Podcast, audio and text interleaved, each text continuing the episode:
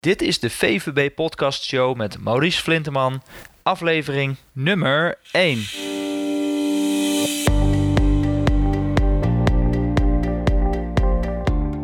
Welkom bij de VVB Podcast Show, waarin je luistert naar experts die je voorzien van de beste informatie, tips en tricks om het rendement op je vermogen te optimaliseren.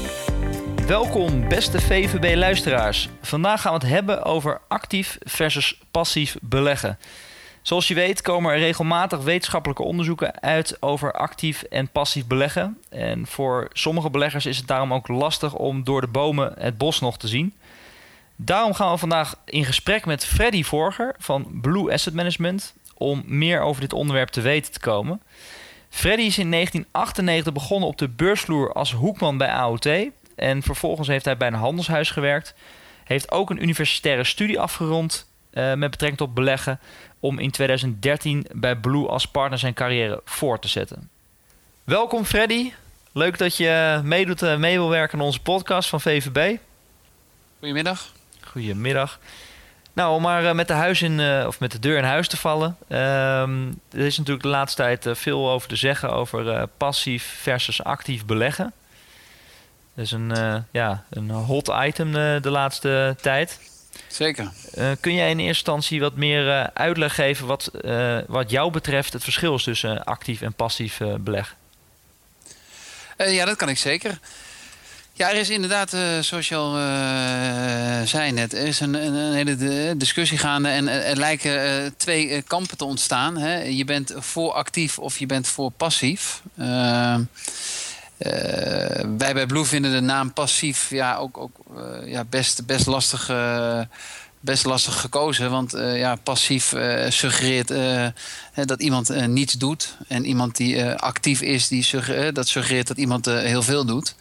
En dat zal ook veel beleggers in instantie natuurlijk aanspreken. Hè, als zij een vermogensbeheerder kunnen vinden die actief bezig is om zoveel mogelijk rendement voor zijn cliënten te genereren het wezenlijke verschil tussen, tussen actief en pas, uh, passief, uh, naar onze mening, is: is uh, wij geloven niet dat markten zich makkelijk laten verslaan.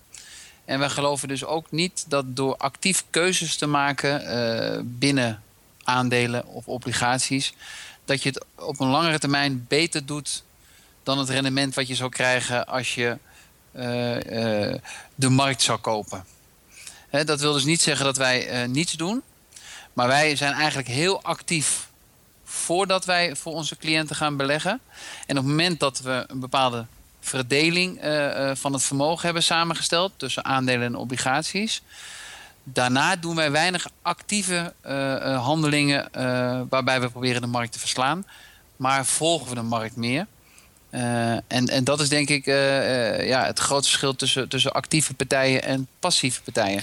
De actieve partijen denken dat ze de markt kunnen verslaan, omdat ze daar heel veel kennis en kunde voor in huis hebben. En de passievere partijen die richten zich meer op het, op het risicobeleid en het, het, het, het verdelen van het vermogen naar aanleiding van de wensen en doelen van de klanten. En vervolgens ja, volgen zij brede marktindices. Ja, en als je het dan hebt over het verslaan van de markt, wat, wat bedoel je daar dan precies mee? Nou, eh, om een voorbeeld te geven, uh, stel je hebt een wereldwijde uh, aandelenindex, uh, de MSCI World. en die maakt bijvoorbeeld in een jaar 5% rendement. actieve partijen proberen bovenop die 5% rendement extra rendement te genereren. Door bijvoorbeeld 7 of 8% rendement te maken. Dat kan alleen maar door uh, uh, periodes in een jaar af te wijken van het mandje, de markt. Dat betekent dus dat, dat, dat een actieve vermogensbeheerder meent te kunnen beslissen wanneer ze bijvoorbeeld even uit een bepaald aandeel moeten in een mandje. Of extra veel geld naar een bepaald aandeel uh, te allokeren uh, in hetzelfde mandje. Waarbij per saldo ze het betere doen dan het rendement wat het totale mandje genereert. Ja. Nou, wij, uh, wij geloven daar niet in. Er zijn een aantal valkuilen. enerzijds, elke handeling die je doet kost geld. Je bedoelt dan transacties maken? Transactiekosten maken. Ja. en dat kan behoorlijk aantikken. Als je vrij actief bent, dan kan het, kan het zomaar een, een, een paar procent aan, aan, kosten met zich meebrengen. Die moet je dan maar weer goed zien te maken op dat mandje. En anderzijds ben je als vermogensbeheerder ben je ook wel gehouden aan het risicoprofiel van je cliënt. En op het moment dat een cliënt aangeeft: ik wil niet al te veel risico lopen, dus ik wil bijvoorbeeld maar voor 30% in aandelen zitten, dan zal je dus het extra rendement uit die 30% uh, uh, aandelen moeten halen. Nou, en, en, en, Want dan ga je ervan uit dat je in obligaties geen extra rendement kan maken door dat uh, actief uh, aan een verkoop te doen. Nou ja, het, geldt eigenlijk ook voor obligaties. Je kan natuurlijk in elke beleggingscategorie kan je actief handelen. Alleen het is natuurlijk. Het is, het, is, het is misschien eh, goed uit te leggen aan een voorbeeld. Stel, stel dat wij voor een klant in een neutraal profiel voor 50% in aandelen zitten. En een actieve partij die denkt op het hoogtepunt van de markt. Uh, het gaat heel slecht met de economie. We gaan nu fors minder in aandelen zitten. En die besluiten maar voor 30% in aandelen te zitten. 20% minder dan dat wij bijvoorbeeld op dat moment zitten. En de beurs daalt 20% dan maken zij minder verlies dan wij. Hè? 20% minder aandelen, 20% daling. Dus zij hebben 4% minder verlies dan wij, hè? dan de markt. Maar daar moet je in eerste instantie al de transactiekosten van aftrekken. Nou, dan blijft er misschien nog maar 3,5% eh, verschil over. Vaak rekenen die partijen eh, op voorhand hogere kosten, omdat zij, omdat zij vinden dat ze iets kunnen ja, wat geld waard is. En rekenen zij vaak een veel hogere beheerfee tot soms wel 1% meer dan de passieve uh, beheerders. Dan ben je alweer anderhalf procent uh, in totaal van die 4% outperformance ben je kwijt. Dan hou je 2,5% over. En dan moet je ook nog eens een keer proberen om op het juiste moment weer terug de markt in te gaan. Hè? Dus in een ideaal scenario maak je dan misschien 2,5% rendement meer. Maar als het fout gaat, en je hebt het toevallig niet goed gezien, en dat hebben we natuurlijk de afgelopen twee jaar gezien, dat markten naar beneden gingen en fors herstelden, ja, dan kan het wel eens een keer 2,5% de andere kant op slaan. En maak die dan, als je die dan de volgende jaar weer goed wil maken, moet je alweer 2,5 plus 2,5% zien goed te maken. Ja, en dat per saldo, dat, dat zien wij in de praktijk. Dat zorgt bij veel actieve beheerders dat ze over een lange termijn toch steeds verder wegraken van de marktrendementen. Ja, want jij hebt daar natuurlijk uh, uh, jouw uh, beweegredenen voor waarom je uiteindelijk ja, als vermogensbeheerder het passief beleggen aanhoudt. Hè, want dat doen jullie bij Blue. Um, je hebt een bepaalde praktijkervaring opgedaan. kun je daar iets meer over vertellen hoe je tot dat standpunt bent gekomen? de partners van Blue hebben allemaal een, een, een achtergrond, een universitaire achtergrond, waarbij wij het beleggingsproces van alle eh, van alle kanten eh, hebben onderzocht. En, en, veel onderzoek hebben gedaan eh, naar hoe rendementen tot stand komen. waar je op moet letten bij, bij, bij het beleggen van vermogens. Hè. Vooral voor bijvoorbeeld grote vermogens zoals pensioenfondsen. En uit veel van die onderzoeken kwam steeds weer naar voren dat als je de netto rendementen ging berekenen na aftrek van kosten en beheerfee en alle andere kosten. Ja, dat actieve partijen, actieve beheerders, zeg maar 90% daarvan kon, kon de, het mandje die zij wilden verslaan, konden zij niet verslaan. En, en dat heeft ons wel laten inzien dat het geen zin heeft om bijvoorbeeld binnen aandelen eh, keuze te maken. Moet ik nu in ING of in ABN AMRO? Moet ik in Microsoft, in, in Google? Wij zeggen gewoon, aandelen hebben bepaald rendement, risico, karakteristieken. Obligaties ook. En naar aanleiding van het risicoprofiel van de cliënt. Hoeveel neerwaarts risico kan en wil een cliënt uh, uh, lopen? Uh, gaan wij een percentage in aandelen en obligaties. Maar daarbinnen ja, gaan we dan geen actieve uh, afwijking meer, maken. Omdat het alleen maar ten koste gaat ja, van het rendement wat je krijgt op aandelen en obligaties. Ja, maar als je, als je het verhaal zo hoort, dan kan ik me voorstellen dat de luisteraars van, van onze podcast ook zeggen van ja, dan beleg je dus ook in goede beleggingen. Maar als je zeg maar alles tegelijkertijd volgt, dan beleg je dus ook in slechte ja, slechte onderliggende waarden, zeg maar. Zeker, ja. dus ook bijvoorbeeld in een slecht land. En ik kan me voorstellen dat bepaalde klanten zeggen... ik heb mijn vermogen en ik wil niet in bijvoorbeeld in een China of in een Griekenland... of in nou, noem het land maar op waar je niet in wil beleggen. daar wil ik mijn geld niet in, in beleggen. Hoe, hoe, hoe, ga je daarmee om? Kijk, er zijn, kijk ik, ik, hè, er zijn gelukkig vele smaken vermogensbeheerders. En ik denk dat uh, net zoveel smaken zijn qua, qua, qua cliënten. En, en het is niet zo dat iedereen passief moet gaan beleggen of iedereen moet actief beleggen. Het moet inderdaad ook bij jezelf passen. Hè. Ja. Als, als, wij hebben een aantal beleggingsovertuigingen. een daarvan is markten laten zich niet voorspellen. Als wij potentiële klanten op bezoek krijgen en, en, en ze zijn op zoek naar een partij die denkt de markt te kunnen verslaan, ja, dan kunnen wij bij Blue niets voor ze betekenen. Maar het wil niet zeggen dat die partijen er niet zijn. Wij zien ze heel weinig. En als ze er zijn, dan zie je vaak naarmate ze groter worden dat het steeds moeilijker is, omdat ze meer vermogen onder beheer krijgen om, om het tussen kunstje te blijven herhalen. Maar ja, het staat een klant vrij om te zeggen van ik, ik geloof daar wel in. Hetzelfde gaat natuurlijk uh, op met, met, ja, met slechte landen of duurzaam beleggen. Eh, wij hebben er in principe voor gekozen eh, om te zeggen van wij volgen de markt. En wij denken dat eh, de markt als geheel uiteindelijk ervoor zal zorgen dat slechte bedrijven steeds minder geld van beleggers krijgen. net als slechte landen. Maar dat het op voorhand heel moeilijk is om, om te bepalen... ja, wat is nou een slecht land, wat is een goed land? Natuurlijk, qua duurzaamheidscriteria uh, kan je een hele lijst opstellen van, uh, van, van aspecten die je, die je wel of niet wil als belegger. Wij hebben, hebben geen duurzame portefeuilles. We kunnen wel voor klanten de portefeuilles verduurzamen. dus we kunnen bepaalde beleggingsfondsen die ETF's die een, een, een, duurzaam karakter hebben, kunnen we in de portefeuille plaatsen in plaats van de gewone ETF, hè, bijvoorbeeld de MSCI, uh, uh, duurzame MSCI-trekker in plaats van de gewone MSCI-trekker. Maar, maar wij zijn, wij zijn geen belegger die, die zich heel erg richt op, op, op, op, duurzaamheid. Wij geloven eerder in, in de kracht van de marktwerking. En dat uiteindelijk, en dat zie je bijvoorbeeld nu in, in, in, in bijvoorbeeld aandelen van kolenbedrijven, dat die in alle indices of mandjes een steeds kleiner percentage uh, uh, uitmaken.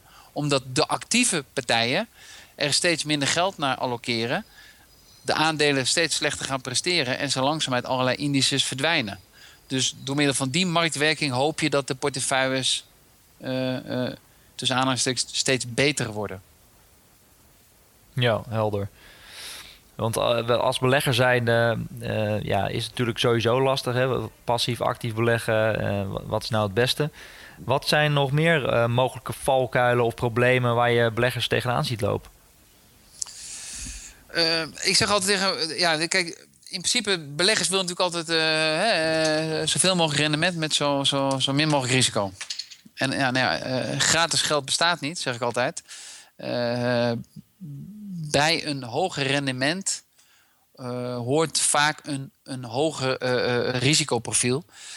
Maar dat wil niet zeggen een hogere kans op verlies. Dat wil alleen zeggen dat de bewegelijkheid van jouw vermogen waarschijnlijk wat hoger is dan wanneer je wat, wat risicolozer of met, met wat minder risico gaat beleggen. een, een, een valkuil daarbij is vaak dat, dat, dat de eindbelegger uh, zelf ook heel, graag, heel vaak denkt dat hij uh, kan, kan timen of kan bepalen wanneer het hoogtepunt van de markt is. En dat zijn valkuilen, die hebben we de afgelopen twee jaar ook gezien. Waarbij sommige potentiële klanten zeiden op 450 in de AX: ja, ik ga, ik, ik ga niet beleggen, want hè, het gaat naar beneden. Nou ja, en vervolgens gaat het, op, gaat het naar beneden. Dan willen ze ook nog even wachten, want ja, nu is het wel, uh, wel heel erg onrustig. En vervolgens staat er weer de 450 in de AX, hè, bijvoorbeeld. Uh, en hebben ze niks gedaan. En ondertussen hebben ze wel 2,5% rendement aan dividend uh, uh, hebben ze misgelopen. Wij bij Blue, dat is ons actieve gedeelte als passieve beheerder, wij zeggen gewoon: hoeveel rendement heeft u nodig? Welke beweging in uw portefeuille kan u hebben?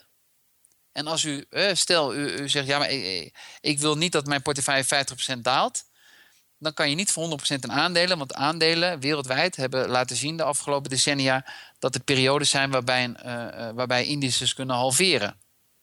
Dan kan je twee dingen doen. Dan kan je zeggen: ik ga wel 100% in aandelen en ik probeer precies op, op het juiste moment eruit te gaan om die min 50 uh, tegen te gaan. Nou, daarvan denken wij dat het A heel moeilijk is om te bepalen wanneer het moment is. En B, vervolgens ga je misschien weer een keer in en komt alsnog die daling. Wij zeggen dan op voorhand van oké, pas dan het gewicht aan van het percentage wat je in aandelen gaat. Dus wil je bijvoorbeeld maar 25% daling in je portefeuille hebben, dan ga je misschien maar voor 50% in aandelen. Dat betekent wel dat je verwachte rendement misschien wat lager is. Maar ja, het zijn niet anders. Dat is nou eenmaal passend bij het risico wat je wil lopen. En, en, en ja, dat is iets wat veel uh, mensen natuurlijk ook niet graag willen horen. Maar bij bepaalde hoge rendementen hoort meer bewegelijkheid in een portefeuille. En, en ja, dat geeft misschien soms wat onrust. Maar als het in de financiële uh, situatie wel kan. Alleen ja, je slaapt misschien wat minder. Dan moet je overwegen om het niet te doen. Maar dan ja, heeft dat wel zijn prijs. En, en ja, die uitruil. Ja, dat vinden wij belangrijk om maar te blijven benadrukken aan onze, aan onze, aan, onze klanten. Uh, soms hoeft het ook helemaal niet. Hè? Soms hoef je, hoef je maar 2% rendement te maken. Ja, ga dan, ga dan vooral niet te agressief beleggen. Want hè, kijk gewoon wat je, wat je nodig hebt om je doelstelling te behalen. En stuur daar je strategische plan op aan. Ja, want daar uh, bij beursdaling, als je het daarover hebt, dan is uh, emotie natuurlijk een van de ja, belangrijkste aspecten bij beleggen. En ook uh, daardoor maken veel beleggers fouten, omdat ze op het verkeerde moment onrustig worden bij beursdalingen. En dan ook ja, willen uitstappen en niet genoeg geduld hebben om de rit naar beneden uit te zitten. Want met passief beleggen blijf je ook bij beursdalingen blijf je belegd zijn, zitten. Um, ja. wat, wat, is jouw advies uh, als, als zo'n klant dan wil uitstappen? Uh, wat, wat, wat, zou je, wat zeg je dan? Nou ja, kijk, in ieder geval hoe wij het bij Blue doen, wij zijn, wij zijn echt gericht op het risicomanagement. Wij zijn ook, ook, ook, ook eigenlijk alleen maar bezig met de neerwaartse scenario, scenario's en niet met, met, met de opwaartse scenario's wij kijken dus van oké, uh, wat is de financiële situatie van de klant? Wat is de risicobereidheid van de klant? Wat heeft hij nodig om zijn doelstelling te behalen? Hoe belangrijk is het behalen van zijn doelstelling? En vervolgens monitoren wij uh, in hoeverre hij die doelstelling nog kan halen. Op het moment dat er een, een, een, een, een beurs, een koerscorrectie is geweest van 30% en de verwachte rendementen gaan naar beneden en de kans op het behalen van het doel zijn wat lager, ja, dan moet je misschien wat aanpassingen doen aan de voorkant hè, in, je, in je financiële situatie. Uh, maar als jij van tevoren al weet, ja, min 30 vind ik niet leuk, dan is het denk ik veel belangrijker om een portefeuille te bouwen die een hele kleine kans heeft om naar min 30 te gaan. En dat betekent dat je aan het risico, uh, risicogedeelte van je portefeuille waarschijnlijk minder weging moet, moet, moet toekennen. En, en, en ja, dat, dat, het, is niet anders. Uh, wat, wij, wat wij bijvoorbeeld de afgelopen jaren hebben gezien, en dat is, dat is eigenlijk een valkuil, hè, eigenlijk een, een andere valkuil, valkuil dan waar we het net over hebben, maar dat mensen al, al twee, drie jaar lang roepen: uh, de beurzen staan te hoog, ik wacht even op de correctie. En vervolgens zie je dat bijvoorbeeld in een, een, neutraal profiel 50% aandelen, 50% obligaties dat in, sinds, sinds 2013 dat die portefeuilles al 20% rendement hebben gemaakt. Dus per saldo hebben de klanten die in 2013 uh, uh, uh, wel zijn gaan beleggen, die kunnen nu die, die 50% correctie bij wijze van spreken krijgen. En dan staan ze nog op nul of op een kleine plus. Het gevaar van het lange wachten is dat je op een gegeven moment toch besluit om, om in te stappen. Van ja, want ik moet wel gaan beleggen. En dat dan die daling komt. Kijk, die daling die komt. Eén keer in de zoveel tijd komt er een flinke koerscorrectie. Het is ook bewezen, het heeft, heeft, heeft ook laten zien dat uiteindelijk op de lange termijn uh, alles terug gaat naar een, langjarig gemiddeld rendement. Hè, van een paar procent bovenop risicovrij. Als jij die beweging aan kan, moet je gewoon blijven zitten en moet je gewoon eh, je portefeuille strategisch inrichten, passend bij jouw uh, financiële situatie. En als je het niet aan kan, moet je het vooral niet doen dat kost je een paar procent rendement. Maar dat, dat is dan zeg maar hè, de nachtrust die je ervoor terugkoopt. En, en, en, en dat is denk ik een veel betere, betere les dan te proberen te timen. Ja, dus eigenlijk... dat hebben we ook bij een aantal collega's natuurlijk gezien. Ook grote vermogensbeheerders die, die, hè, die veel in het nieuws zijn geweest. Die probeerden elke daling te timen. Ja, en als je dan toevallig een markt hebt waarbij de, de bewegingen kort en hevig zijn, maar per saldo hè, eh, de beurzen geen kant op gaan, dan, dan, dan lopen die eh, klanten soms 10 tot 15 procent uh, koersverlies op, terwijl de beurs niet bewogen heeft per saldo. Ja. Dus je geeft eigenlijk aan het juiste instapmoment bij beleggen bestaat niet. Nee. En bij daling moet je eigenlijk blijven zitten en vooraf heel goed in kaart brengen wat is nou het risico wat ik zou kunnen lopen en wat is het risico wat ik zou willen lopen. En daarmee committeer je dan ook als de beurs naar beneden gaat. Kijk, natuurlijk, en als je een lange, een lange termijn vermogensopbouw hebt, dan is het natuurlijk altijd interessant om gebruik te maken van dalingen. Hè, bedoel, uh, stel dat je nog wat, wat, uh, nog, wat, nog wat geld langs de zijlijn hebt staan en, en, en, en, en beurzen uh, dalen, dan zou je nog, nog wat extra's er naartoe kunnen allokeren. Alleen dat gebeurt eigenlijk bij, bij, bij, bij, bij de vermogensbeheerder ook al. Want, want portefeuilles worden geherbalanceerd. Stel, een klant begint met 50% aandelen en de beurs daalt 10%. Hè, of 20%, een flinke correctie. Dan gaat het gewicht van de portefeuille wat in aandelen zit, gaat van 50 naar beneden. Hè, richting 40. En eigenlijk kan de klant op 50% blijven zitten. Dus op dat moment wordt er 10% meer in aandelen uh, geallockeerd. Hè, wat dan uh, van de obligatiekant afgaat. Ja, dus en vaak gaan obligaties op dat moment hebben een klein koerswinstje behaald hè, vanwege de paniek op de markt. Dus daar wordt eigenlijk hè, wat winst genomen. En, en, en bij aandelen wordt op lagere koersen worden eigenlijk meer aandelen uh, uh, uh, gekocht, waardoor je weer op 50% zit. Dus wat dat betreft zit dat mechanisme van het laag kopen en het hoog verkopen, zit ook bij ons als passieve beheerder er wel in, doordat je continu terug wil naar je strategische gewichten.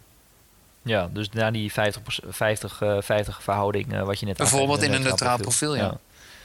En als je daar dan uh, goed naar luistert, dan kan ik me voorstellen dat beleggers denken van ja, als, als de hele markt naar beneden gaat en ik zit toch, blijf toch zitten en de vermogensbidder doet daar niet heel veel, of die heeft daar niet heel veel activiteit. Ehm, kun je dan als particuliere belegger niet beter zelf gaan beleggen en een, een portefeuille aankopen en die aanhouden? Als je toch niks doet bij beursdalingen. Ja, nou kijk, eh, kijk in principe, in principe uh, kan iedereen het zelf.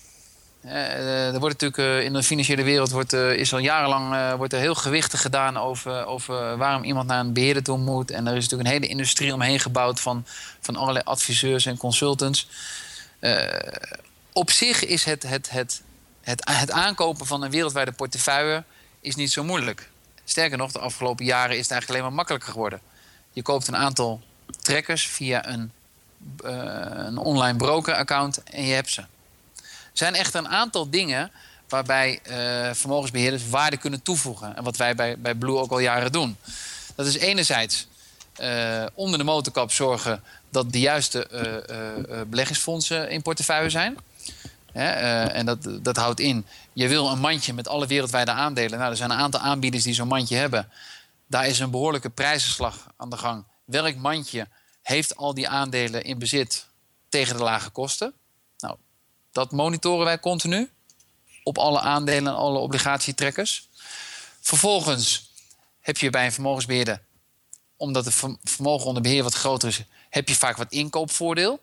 dus bij transactiekosten als jij een, een ETF eh, e moet aankopen en jij bent uh, eh, 15 euro kwijt bij je broker of, of 10 euro en bij de beheerder ben je uh, eh, 2 euro kwijt omdat hij inkoopvoordeel heeft, dan heb je daar wat kostenvoordeel. Nou, dat is allemaal aan de kostenkant waar je, waar je misschien wat, wat, wat winst kan behalen.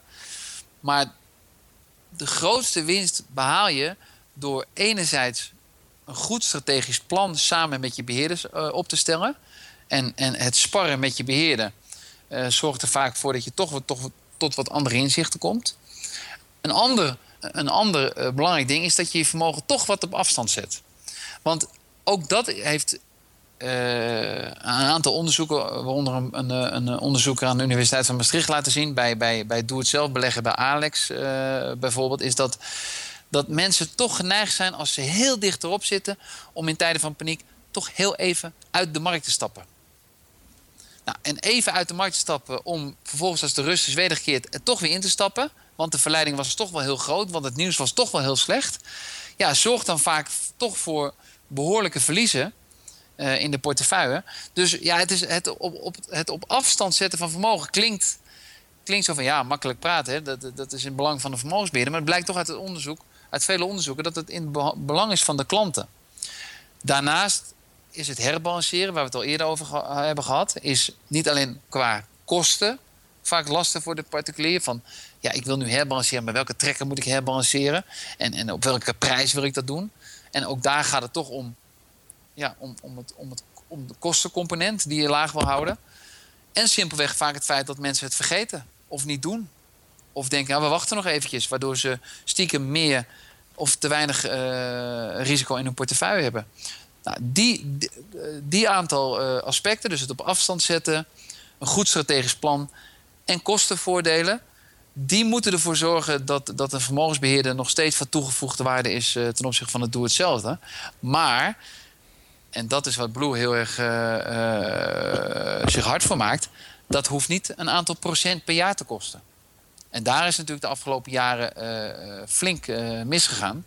Waarbij partijen tot wel 3, 4 procent per jaar rekenden voor een dienstverlening zoals ik hem net schets, ja, die eigenlijk ja, maximaal een procent mag kosten, all in. Dus niet alleen de beheervergoeding, maar ook de kosten van de fondsen, de transactiekosten, de platformkosten, platformkosten, et cetera. Ja. ja, dus uh, dat zijn uh, belangrijke punten. Dus ook de, de kosten onder andere laag te houden.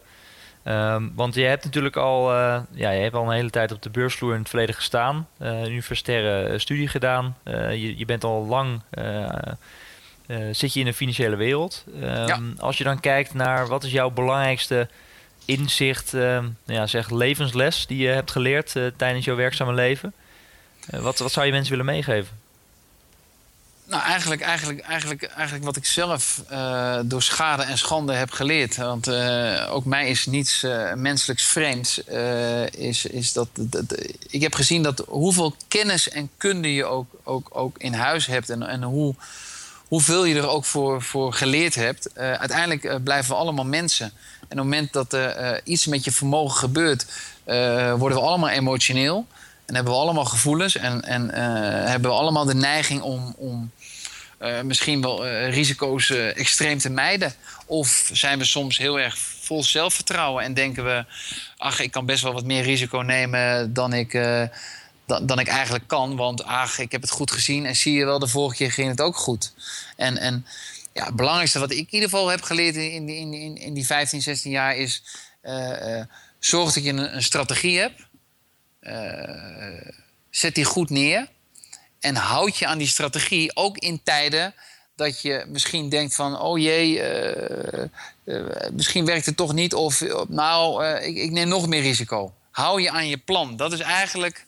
Hè, het is een open deur, maar wij maken voor onze cliënten... op voorhand een vermogensanalyseontwikkeling... met een neerwaarts, een verwacht en een positief scenario. En eigenlijk moet, moet, moeten onze klanten bij bijvoorbeeld een, een beurscorrectie kunnen zien van ja, heel vervelend wat er nu gebeurt. Maar het was allemaal wel uh, volgens verwachting uh, drie, vier jaar geleden. Toen we het voorstel hebben gemaakt. Dus we moeten gewoon vasthouden aan dit plan. want ja, dit, dit is het scenario wat we verwacht hadden. En het gevaar is natuurlijk heel snel dat je op het moment dat het paniekerig is en elke dag op het nieuws staat dat de wereld vergaat, dat je dan zelf ook in paniek raakt. Hè? En, uh, en als het heel goed gaat en de beurzen gaan omhoog, denk je, ja, dit gaat alleen maar door omhoog. En uh, dit kan nooit meer naar beneden. Ja, en dat heeft het verleden wel laten zien dat het, uh, dat het niet zo werkt. Ja, precies. Dus die emotie uitschakelen. je strategie heel goed van tevoren neerzetten. En dus ja. vasthouden in je plan en daar niet van afwijken. Dat is, dat is eigenlijk de belangrijkste levensles die jij ja, wij, wij, wij, zeggen bij Blue: uh, zorg dat je kosten heel laag zijn. Zorg dat je dermate goed gespreid bent dat je, dat je uh, extra risico's uh, in ieder geval voorkomt. En beleg voor de lange termijn. Ja, ja dat, is, dat is sowieso natuurlijk een belangrijke beleg voor de lange termijn. Ja, maar er zijn natuurlijk best veel mensen die, ook als ze bij een vermogensbeheerder komen, een heel mooi plan hebben, uh, twee goede jaren hebben en dan zeggen: Ik ga er nu even uit, want uh, ik heb nu uh, zo'n mooi rendement. ik neem even winst. Ja, en vervolgens na twee jaar denken ze: Ja, ik moet er toch maar weer in. En dan stappen ze op een, op een veel hoger punt in. Komt de koerscorrectie. En, en hebben ze alleen maar verliezen. En, en zeggen ze vervolgens: dat beleggen is niks voor mij, ik doe het nooit meer. Uh, dus, dus het is allemaal heel makkelijk gezegd. Hè? Maak een plan en hou je eraan. Maar dat is denk ik het allermoeilijkste. En dat is de taak van de beheerder samen met de cliënt. Van uh, dit en dit is nu gebeurd. Dit hadden we verwacht. Uh, heeft het invloed op je financiële situatie? Past het binnen de scenario's? Ja, dan houden we vast een plan. Gebeurt er iets waardoor, hè, want dat, bedoel, dat kan ook, zoals in 2008, dat, dat, dat er dingen gebeuren die veel verder gaan dan iedereen verwacht. Ja, dan moet je ook het gesprek met, met, uh, met de klant aangaan en kijken van wat kunnen we doen uh, om, om, om de risico's te beperken. Dat betekent dan niet bijvoorbeeld, uh, we gaan maar even uit aandelen, maar een risicoprofiel opschuiven. Hè? Dus van, van, van neutraal misschien toch naar defensief. niet uit luxe, maar omdat ja, een, een nog verdere daling financieel misschien te zware consequenties heeft. En, en, en andersom ook. Hè? Als het boven verwachting goed is gaan met de markt en, en uh, klanten lopen veel verder voor op hun, op hun doelstellingen. Uh, kunnen ze ook besluiten om van een offensief profiel naar een neutraal profiel te gaan. Hè, dat noemen wij actief met passief. je, je, je kan bovenliggend op strategisch niveau. zal je ten alle tijden moeten kijken wat, wat gebeurt er in de financiële wereld en wat voor invloed heeft dat op mijn financiële situatie. En als je dat plan eenmaal hebt, daaronder passief beleggen, kosten laag houden, goed spreiden en lang wegzetten. Ja, nou, hele goede tips denk ik, Freddy. Dank daarvoor. Uh, ik denk dat uh, de mensen hier zeker wat aan, aan hebben. En uh, ik wens, ik bedank je in ieder geval voor het, voor het interview. En wellicht komen we elkaar nog tegen in, in de toekomst. Ja, nou Maurice, jij ook hartelijk bedankt en tot snel. Ja, tot snel.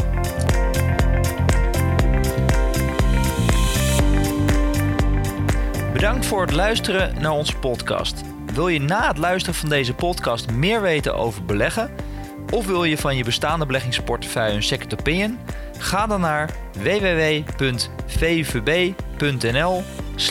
beleggen. Ik herhaal www.vuvb.nl beleggen. Bedankt voor het luisteren en tot de volgende podcast.